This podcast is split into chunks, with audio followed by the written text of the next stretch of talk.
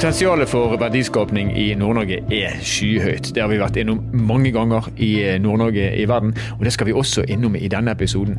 Denne gangen skal vi snakke om behovet for infrastruktur for å kunne realisere verdiskapningen. Dette er Nord-Norge i verden. Mitt navn er Stein Vidar Loftaas.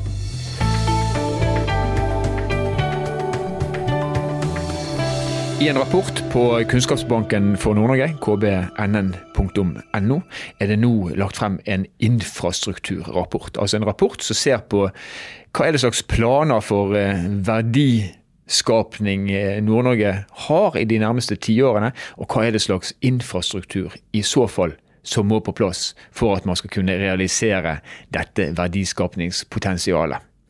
Rapporten den kan du altså lese i sin eh, helhet, men vi skal i denne episoden belyse hovedfunnene i denne rapporten.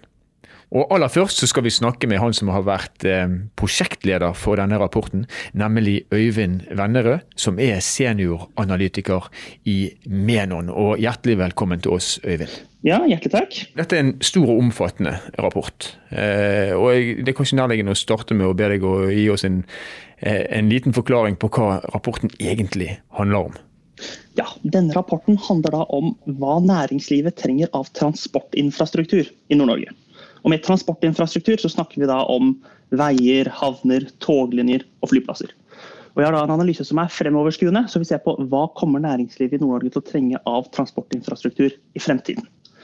Og Dette er jo faktorer som er særskilt viktige i Nord-Norge. Både pga. den nordnorske geografien, og fordi Nord-Norge har et næringsliv som er mye mer transportintensivt enn det resten av landet har.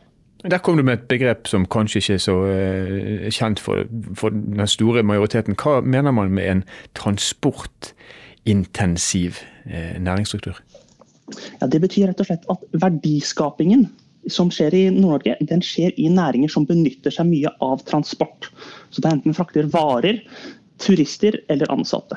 Det er da f.eks. sjømatnæringen frakter jo gods ut. Kan frakte fisken ut til markedene. Reiselivet frakter turister inn. Og dette stiller seg da i motstykke til f.eks. IT-bransjen eller konsulenttjenester, som ikke frakter noe. De trenger i mye mindre grad transportinfrastruktur enn det disse transportintensive næringene gjør. Ja. Og Da nevner du to av de sentrale næringene som vi, vet, vi alle vet er sentrale næringer eh, til Nord-Norge, nemlig det som kommer fra havet eh, og dette som har med turisme å gjøre. Men hva andre næringer er det i Nord-Norge som da kan defineres som eh, transportintensive? Ja, altså, så Hvis vi tar alle sammen, da, så er det, det er sjømatnæringen og kraftintensiv industri som er to av de største. Og så er det handelsnæringen. Den frakter veldig mye varer inn til regionen. Så frakter bygg- og anleggsnæringen mye og petroleumsnæringen samt mineralnæringen. Um, og dette er jo da de næringene vi ser på i denne rapporten. Ja, riktig. Og Hvis du da ser på, eh, går litt i detalj på behovene for vi, har jo I rapporten her så snakker man om situasjonen i dag, og så har man et sånn fremoverskuende perspektiv. Og For at disse næringene skal vokse, som vi jo vet eh, nærmest enhver næring eh, har som en målsetning, hva er det som hva er det slags utfordringer infrastrukturelt man da ser? Ja, så Det er eh, to typer infrastrukturutfordringer. på en måte. Altså Mange næringer har sine egne særegne utfordringer. Og så har man noen utfordringer som treffer alle næringene. Mm. Og Den fremste av disse fellesutfordringene det er egentlig det grønne skiftet og overgangen til nullutslippsformer for transport. Altså måter å transportere varer på uten utslipp. Dette, et, eh, dette ønsket om å transportere med lavt eller ingen utslipp har blitt trukket frem av de aller fleste aktørene vi har pratet med. Mm. Det har kommet fra reiselivsselskap, oppdrettsselskap, kraftintensiv industri, næringsforeninger, bygg- og anleggsaktører og mye flere. Ja. Og eh, på kort sikt så gjør dette at mange nå utforsker muligheten for å frakte mer på jernbane. Altså da, det er et trykk nå for å få mer over på Ofotbanen og Nordlandsbanen. Og i de nærmeste årene er det derfor en stor søken etter mer kapasitet på disse. Men fra et samfunnsplanleggerperspektiv så er det viktig å ha litt is i magen her. Fordi denne, et ønske om å gå over til tog er litt midlertidig for ganske mange av varene. Det er altså at Sjø- og veitransporten har en del vesentlige konkurransefortrinn foran jernbanetransporten for mange av næringslivsaktørene. F.eks så er det mye mer fleksibelt å frakte med lastebil. også snart de andre transportformene har gode nullutslippsløsninger på plass, så forventer vi at den transporten man nå vurderer å flytte over på tog, igjen vil flyttes tilbake på lastebil og skip i fremtiden. Og dette skjer, dette grønne skiftet det skjer snart, det skjer fortere enn man tror. Delvis er det allerede skjedd. Altså El- og gasslastebiler er her allerede. I 2022 så utgjorde de omkring 12 mm. Mm. av de førstegangsregistrerte lastebilene i Norge. Som betyr at én av åtte lastebiler er nullutslippslastebiler som blir solgt i Norge i 2022. Opp fra én av 25 i 2021. Og dette kommer bare til å gå videre oppover. Det er en ganske stor økning på bare ett år. Det er det. Ok, men det, det grønne skiftet, og det er lett å se. at det, altså, Alle som er avhengig av transport, skal også gjennom en omlegging. og Da må man gå fra fossilt brensel til eh, hydrogen eller ammoniakk eller, eller, el. Men du sier også at enkeltnæringer har sine særegne utfordringer. Ja.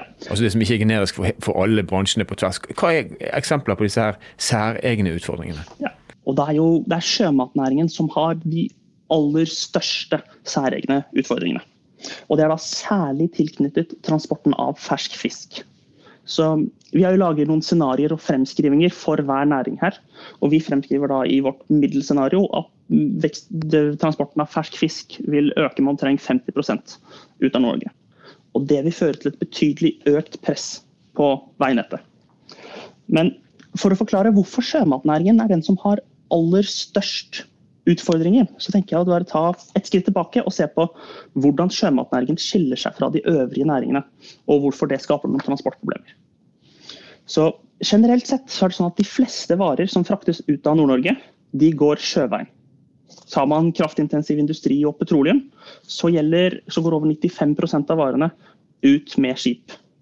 Men sjømatnæringen skiller seg her ut ved at den ferske fisken fraktes med lastebil og tog ut av landsdelen. Samtidig så skiller sjømatnæringen seg ut ved at den er mye mer geografisk spredt over hele Nord-Norge. Det er en atomisert næring med fiskemottak og fiskeindustri over hele landsdelen. Og et tredje poeng der, det er at den ferske fisken er tidskritisk. Ingen har så dårlig tid som en fersk fisk, så forsinkelser er dyrt. Og Sammen gjør dette at sjømatnæringen har en del særegne transportutfordringer. Og Veksten vi fremskriver vil da gjøre at disse utfordringene blir enda større i fremtiden. Men, men Hvorfor det? Det må du forklare. for det, altså, De utfordringene er jo, de er jo, der allerede i dag. Altså, Den ferske laksen har dårlig tid, det har han hatt helt siden, helt siden vi begynte å eksportere den ut fra landet. Og Fiskebrukene ligger spredt, eh, fiskeoppdretterne ligger spredt. Og Nå skal vi gjennom en volumøkning. Mm. Men jeg, jeg snakker ikke vi bare da om at problemet er likt, men vi trenger høyere kapasitet? Jo, altså på en måte er det litt sånn. Siden allerede i dag er det jo som du sier sånn at veier, veinettet er et problem for næringen. Både knyttet til de smale og glatte fylkesveiene, til fergesambandene og til værstengte fjelloverganger med kolonnekjøring mm. og grenseovergangene. Det er veldig viktig da å ruste for sjømatnæringen at man ruster veinettet for den store lastebilveksten som man vet at vil komme. Og Her er det da særlig over et par fjelloverganger og grenseoverganger at man kan spå hvor veksten vil komme. Og Det gjør vi da i rapporten, hvor vi ser på og fremskriver veksten over en del utvalgte fjelloverganger og grenseoverganger. Og Den kanskje aller største utfordringen fremover det er E10 over Bjørnfjell. Man skal frakte sjømaten utover eh, grensen til Sverige fra Ofoten-området. Det andre poenget på eh, sjømatnæringens infrastrukturproblemer, som er litt nyere, det er også da tilknyttet dette med eh, lade- og fylleinfrastrukturen. Siden For å få til denne overgangen til nullutslippstransport, så må man jo kunne få ladet fylle nullutslippslastebilene. Og denne ladeinfrastrukturen er nødt til å være strategisk plassert og tilpasset hvor langt disse bilene kan kjøre. Alternativet er at deler av Nord-Norge kan bli vanskelig, dyrt eller upraktisk å nå. Mm. Men her, her, peker du egentlig på to ting på en gang. Det ene det er den grønne omstillingen. altså Man må lade infrastruktur på plass, eh, eller hydrogen eller ammoniakk eller hva det måtte være, for å få til den grønne omstillingen. Samtidig så må man ha det på plass for å ta unna økningen i, i volum fra sjømatnæringen. Og så sier du eh, fjelloverganger, og vi vet jo at Bjørnefjell som en av eh, de nevnte er en fjellovergang også, ikke, altså ikke bare en fjellovergang, men det er mellom Norge og Sverige. Eh, mm. og, og, vi vet at sjømaten i, i, dag transporteres over mange fjelloverganger og med tilhørende grensekryssinger til Sverige eller til, til andre naboland. Og dere, dere, peker jo da i rapporten på behovet for å ikke bare tenke nasjonalt, altså ikke bare i Norge, men at man, at man ser dette her som en, ja. en, nordisk problemstilling. Hva legger dere i det? Ja, altså, så, her er det jo vi kan først ha det litt på bare for, det er et godt poeng på sjømaten, og så er det litt generelt òg, hvor mange aktører har pratet om det. Siden altså For sjømaten er det jo et spesielt poeng ved at to tredjedeler av sjømaten som forlater Nord-Norge med lastebil, kjører gjennom Sverige eller Finland. Og Derfor må hele den ladeinfrastrukturen vi pratet om, ses i et nordisk perspektiv. Fordi den tette integrasjonen gjør at de logiske ladepunktene ofte ikke vil ligge i Norge, men vil ligge i Nord-Sverige og Nord-Finland for lastebilsjåførene som skal kjøre. Og Derfor trenger man et nordisk perspektiv på den ladeinfrastrukturen. Men dette er jo overhodet ikke noe som bare er begrenset til sjømatnæringen. Mange av aktørene vi har pratet med, trekker frem behovet for å vurdere transportinfrastruktur i et nordisk perspektiv. I større grad enn det man gjør i dag. Men hva de mener med et nordisk perspektiv, det varierer litt mellom de forskjellige regionene. Så i Helgeland og Salten så har aktørene trukket veldig frem denne øst-vest-forbindelsen til Sverige og Finland med ønske om mer nordiske og kortreiste verdikjeder. Aller mest er dette tilknyttet nye grønne verdikjeder, som batterinæringen. Altså et håp om å bygge et nordisk batteribelte med leverandører til batterifabrikkene både i Norge og i Norden. Mens i Ofoten så handler det nordiske perspektivet mer om Narvik havns rolle som Sverige og Finlands kobling til Atlanterhavet. Ukraina-krisen har jo styrket finsk og svensk interesse for akkurat denne koblingen.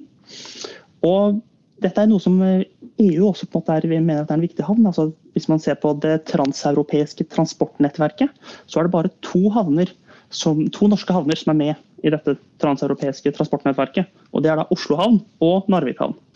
En tredje sted er jo da i Øst-Finnmark. Så handler da dette nordiske perspektivet både nå om beredskapsbehovet som har kommet frem, men også et ønske om å koble seg tettere til Finland. Og Her er Kirkenes sin mulige rolle som kobling av Sverige og Finland til den nordlige sjørute, også kalt da Nordøstpassasjen, noe som mange aktører har trukket frem. Da håper vi at uh ørene til de som eh, styrer i AS Norge er retta inn mot eh, Nord-Norge i verden. Her finnes det penger å hente hvis man investerer i infrastruktur på en riktig og smart måte. Og tusen takk for at du kunne være med og opplyse oss, eh, Øyvind Vennerød, som er senioranalytiker i Menon, og som har ledet arbeidet med denne infrastrukturrapporten. Flott. Hjertelig takk.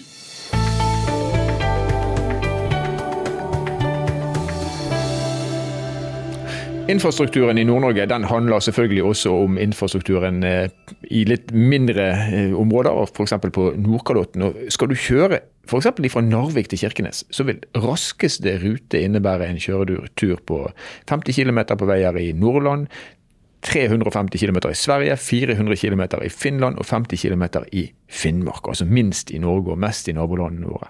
Og Kirkenes havn de driver offentlige og private kaianlegg i Sør-Varanger eh, kommune.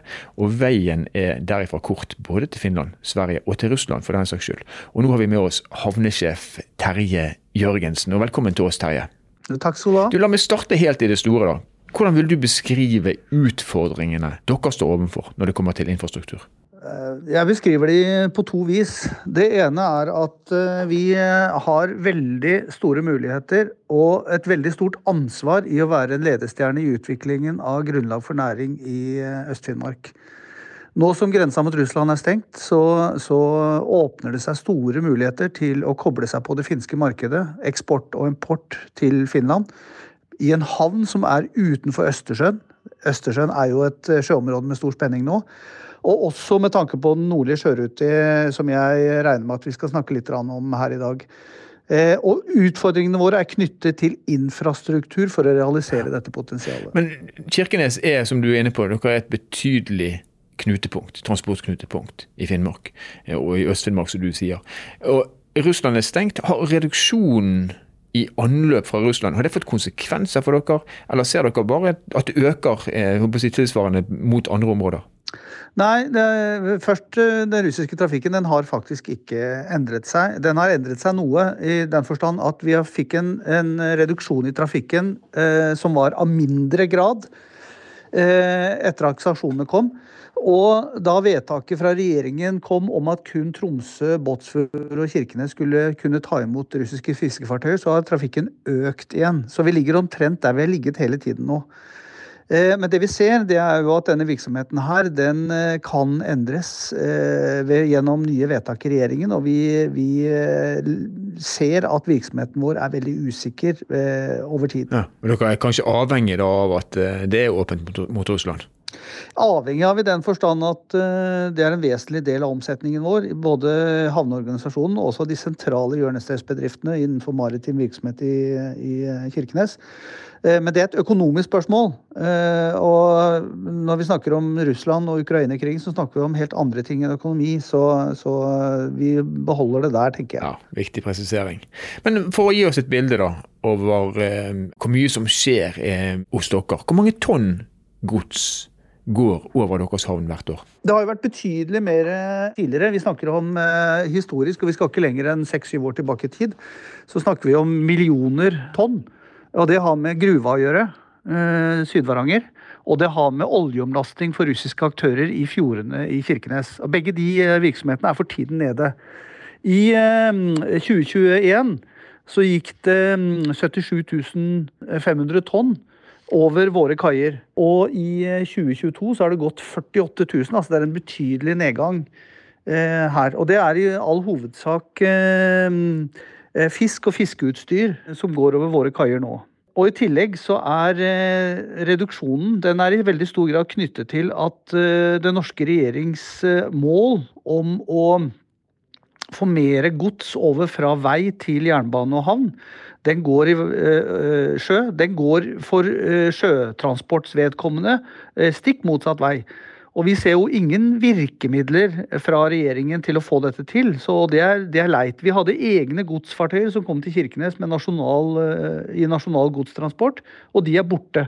Nå kommer det litt gods med hurtigrutefartøyene, men det er i veldig beskjeden grad. Hva er årsaken til det? Nei, Regjeringen snakker om å få mer gods til, til sjø, men det er ikke noe virkemidler med. Vi ser, vi ser ingenting. Eh, vi er, også, vi er, også, klar over at eh, når det gjelder å være en del av et integrert logistikkapparat i det norske samfunnet, så har havn- og sjøtransportaktører et, eh, en jobb å gjøre. Det er det ingen tvil om. Men vi ser at regjeringen er jo ikke på banen her i det hele tatt, så her er vi i hvert fall for vårt vedkommende veldig kritiske til det. Eh, du, helt innledningsvis så nevnte du også um, den nordlige sjøruten. Altså den som går nord for Russland og til Asia. Mm. Og nå er selvfølgelig nå er krigen et hinder for at man kan, man kan drive noe særlig der. Men hvis vi forutsetter at krigen kommer til å gå over, og når den da endelig da vil være over, ser du for deg at det kommer til å bli aktuelt igjen, eller, eller risikerer vi å ende opp Eh, etter denne konflikten her med at en sånn mulighet som det ville gitt oss, og ville gitt Kirkenes, da faktisk spilles fra oss? Ja, jeg går så langt som til å si at den må bli en virkelighet. Mm. Og dette har med spørsmål som er større enn Øst-Finnmark og for den saks skyld Norge. Det er et paradoks. Godstrafikk på sjø, vi snakker om de store konteinerfartøyene, er en stor kilde til utslipp av klimagasser. På den annen side så er slik transport den mest miljøvennlige måten å transportere gods. Altså Her har du to ytterligheter samla på, på ett område. Og det vi ser, det er det at eh, den reduserte seilingsavstanden mellom Asia og Europa, og for den saks skyld også knyttet til Nord-Amerika, hvis vi gjør Kirkenes til en transitthavn mellom øst og vest, så vil seilingsavstandene bli så kraftig redusert at dette vil monne godt i det globale arbeidet med å redusere utslipp. Vi må altså ta i bruk ja. den nordlige sjørute. Ja. Og vi snakker, vi snakker nå med kinesiske aktører akkurat med tanke på det du spør om krigen Altså, eh, du, Russland kan ikke formelt nekte noen å gå gjennom deres farvann. Men vi ser jo at det å skulle seile den nordlige sjørute uten å ha godkjenning på et eller annet vis fra de russiske myndigheter, det vil ikke være mulig. Men når vi har med kinesiske aktører å gjøre, så ser vi at her åpner det seg nok eh, en mer problemfri seilas. Eh, og, og, de kinesiske aktørene de peker på Kirkenes som sin prefererte havn nå. Tidligere så har jo Putin pekt på Arkangelsk og Murmansk. Men, men, det er jo neppe aktuelt for gods som skal til Europa. Så her, her, ligger Kirkenes nå på rett sted, og vi ser at vi har de rette partnere. Og dette har vi veldig tro på at vi skal klare å realisere. Ja. Det, og det er spennende, det du sier nå. For her, her er det mange, her er nesten et kinderegg. Altså, for det første så vil det være bra for miljøet. For det andre så er potensialet for handling med, med Kina helt åpenbart til stede. For Kina ser på Europa som, en, som et kjempeviktig marked. Og ergo så blir Kirkenes det første europeiske punktet på den korteste ruten, hvis man kan si det på den måten. Og så vet vi på den annen side at det du nevnte om f.eks. gruvene, der er det planer om å gjenåpne gruvene. Eh, og det her plasserer jo Kirkenes da eh, ja, Dere er nesten som plommen i egget. Hvis du ser på infrastrukturen rundt deg, hva er de store utfordringene du har for å kunne virkelig ta ut kraften i, i hele det her vekstpotensialet som jeg skisserte opp nå? Ja, vi trenger jo Først og fremst fra vår side så trenger vi havneinfrastruktur. Og Der har vi klare planer om dette. Vi har ikke fått regjeringen på banen her, og det beklager vi. Eh, ikke engang har vi fått en skikkelig dialog, eh, og, og, og det syns vi er veldig skuffende i den situasjonen vi står i nå. Potensialet til å gjøre Kirkenes til et tungt eh, logistikknutepunkt i Øst-Finnmark og de distriktspolitiske effektene dette vil ha i, i hele Finnmarksområdet, hele Nord-Norge, det, det, ses åpenbart ikke i Oslo. Det er synd. Vi trenger havneinfrastruktur, og vi vil gjerne bygge ut og starte der vi er i dag, i byen, med å få kapasitet til å kunne ha roll-on, roll-off-kai. Eh, eh, og kunne transportere godset rullende av fartøyene og å ha en mindre konteinerkapasitet. Og så ønsker vi å vokse skritt for skritt og anlegge storhavn et sted utenfor Kirkenes når trafikken tilsier det. Det er den ene utfordringen, og den andre er, er veitilknytning eh, til det finske markedet. Eh, vi har eh, godt samarbeid med mange aktører i Finland nå. Jeg har gode samtaler også med havnesjefen i Olu for å knytte vår eh, sjøveis godstransport til godstransport på Østersjøen gjennom Olu havn. Og, og, og, vi tenker å bruke de 700 km eh, landkorridor eh, mellom Kirkenes og Olu eh, som en prøvesten for å kunne prøve utslippsfrie lastebiler. Og det kan jo være på lang sikt et, et alternativ til å bygge jernbane. Vi markedsfører per i dag ikke jernbane. Vi ønsker å få denne trafikken nå i gang, og så ønsker vi å utvikle infrastrukturen skritt for skritt. Men vi trenger altså regjeringen med på dette. Ja. Og regjeringen, eh, Vi håper jo at noen av de har låna sine ører også til eh, Nord-Norge i verden. Det vet vi for så vidt at de gjør, så du skal ikke se bort ifra at dette kan bli en liten sånn wake-up call for seg. Men du peker også på samhandlingen på tvers av grensen, og du nevner Olo i Finland. Er det slik at infrastrukturen på finsk side Altså, Blir de hørt fra sin regjering for å være med på å realisere det som trengs på den siden av grensen? Er det bare Norge som henger etter, eller, eller må vi gjøre ting på begge sider av, av grensen? Er, jeg har ikke full oversikt over den fulle og hele veistrukturen i Finland. Jeg vet at Olo havn har alt de trenger. Eh, og, og mm, jeg vet at veiene i Finland er generelt sett gode. Eh, men jeg vet også at E6-utbyggingen eh, e i Kirkenes den, den har, vært, har, gitt oss gode veier. Og det foregår nå også forberedelser til en ny veistrekning fra flyplassen og inn til byen. Eh, eh, veistrekning rv. 92 fra Neiden til finskegrensa eh, trenger å opparbeides. Og den, den er det, det, arbeidet er påbegynt. Der er det visse strekninger som er eh, utbedret. Og vi trenger at det fullføres, så vil vi nok ha en brukbar veiinfrastruktur. Vår fremste eh, utfordring på vei er egentlig eh, når vi tar utgangspunkt i hvor havna i Kirkenes er nå, og vi får godset inn og ut, så skal vi gjennom byen. Og det, det, byr på en hel rekke utfordringer. Så vi skal nok ikke vokse veldig, vi, før vi er nødt til å komme oss ut av byen. Og da trenger vi infrastrukturinvesteringer på en rekke områder, både havn og vei. Ja. Og det du kan garantere, er at dersom den investeringen kommer, så kommer det til å være lønnsomt for eh, AS Norge? Ja, du, altså der går jeg så langsomt til at det garanterer jeg. jeg. Jeg, tar deg på ordet der. En garanti der, og tusen takk for at eh, du kunne være med oss, havnesjef Terje Jørgensen fra Kirkenes havn i Sør-Varanger kommune. Veldig hyggelig. Takk skal du ha. Så vi står potensielt fremfor en eh, ja, jeg vil nesten si en enorm vekst i verdiskapning innenfor sentrale næringer i Nord-Norge. Fisk og sjømat naturligvis, men også en god del eh, andre industrier har eh, planer som, dersom de klarer å realisere det, vil gi hva skal man si, både arbeidsplasser og klingende mynt i kassen til AS Norge. Det er nok å nevne hydrogen, ammoniakk, produksjon av batterier, eh, grønt stål osv. osv. Og så har vi da fått fortalt i dag at eh, skal vi ta ut dette potensialet, så må vi også gjøre noe med infrastruktur.